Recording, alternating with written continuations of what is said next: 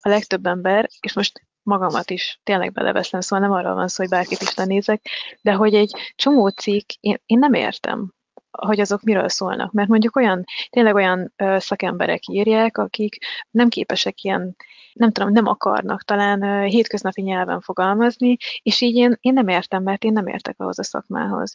És szerintem én ezzel a többséghez tartozok. És olyankor úgy érzem, hogy akkor hozzám nem szólnak, és akkor van ez a tekintély. Persze, akkor én úgy nézek, hogy fú, hát ez az ember nagyon okos, mert ő most olyan jókat mondott, és azon gondolkodom, hogy fú, valahol remélem majd elolvashatom, hogy más erről mit gondol, mert nekem erről nincs gondolatom, mert nem értem.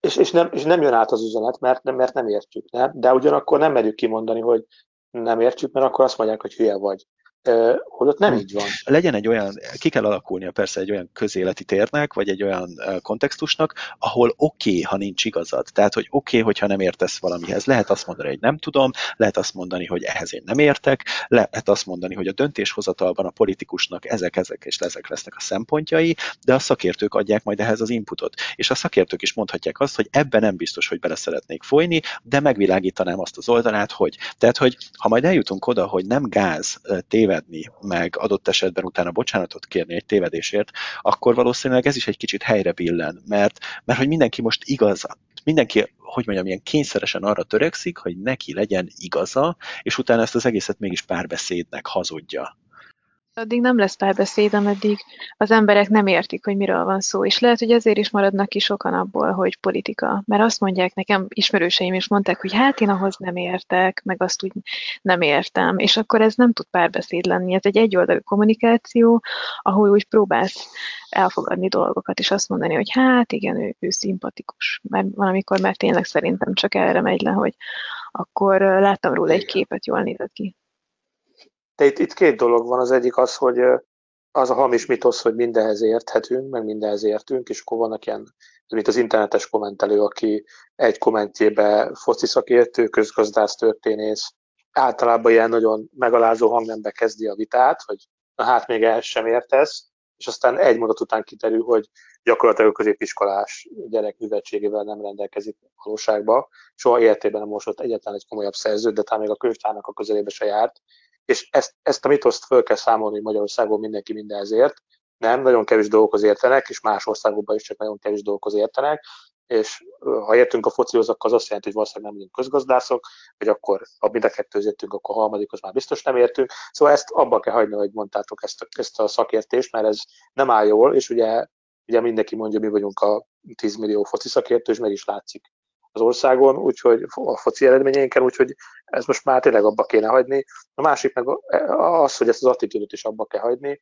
Nekem például mondta a, mondtam a művészettörténet tanárnak az egyetemen, hogy miért nem írnak a történészek cikket a ez a Illignek hívják azt a német ilyen posztmodern történészt, aki kitalálta, hogy a Karolin nem, vagy a Merovin nem létezett. És azt megkérdezte, hogy miért nem írnak erről történészek cikket, hogy leleplezzék ezt, mert ez, ezt fölkapják az emberek, és abszurditásokat kezdenek el hangoztatni, és ez abszurditás. És azt mondta, hogy hát hogyan, hát hogyan, hogy ide le alacsonyodni, hogy ilyen hülyeségek ellen Hát de ez hat az emberekre. Igen, le kell alacsonyodni, hogy a hülyeséget megcáfoljuk, a szakértő, a tudós szétszedi az ostobaságot. Hát ez kötelessége, nem pedig egy ilyen rangon aluli dolog.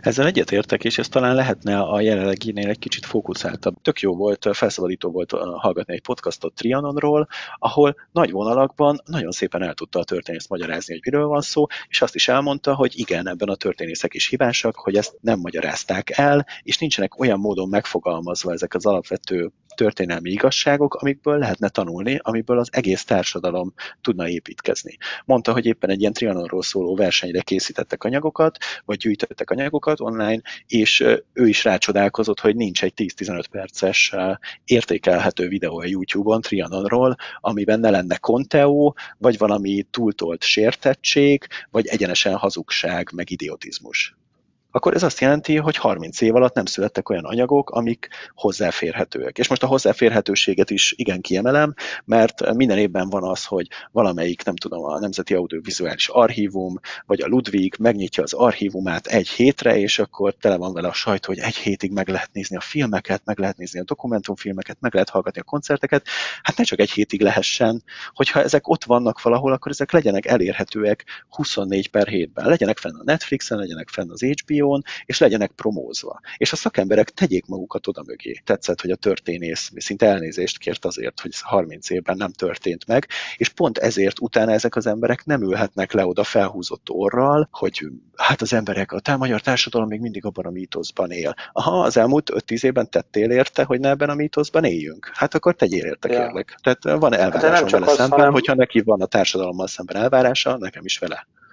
És egyébként, ha államköltségből finanszírozott kutatásokról van szó, meg ilyen nemzeti kincsekről, akkor miért ne lehetne nyitva? Tehát, hogy miért, miért kell elzárni az emberek elő? Ki fogja, mindenki vegye mindenfajta belépőket, minden vicik vacak oldalra, meg izére. Tehát, hogy azért egy csomó mindent az államnak kéne biztosítania. És egyébként a könyvtárakban is visszatérő probléma ez, hogy nincsenek könyvek, nincsenek előfizetések G-Store-ra például egyetemeknél. Hát szerintem nem tudom, például a mi egyetemünkön annó volt egy G-Store előfizetés. Tehát jó, ez egy, ez egy konkrét kultúrpolitikai probléma, ez most elhagyja ezt az általános kérdést, de, de ez az egész hozzáállás, hogy vagy ahogy mondtad, hogy akkor mindenki örömködik, hogy megnyitják egy hétre. Mi az, hogy egy hétre megnyitják, egy, egy, ahol tényleg mondjuk a, a klasszikus magyar filmeket meg tudod nézni? Hát ez köt, kötelező kéne, hogy legyen, hogy nyitva legyen mindenki számára.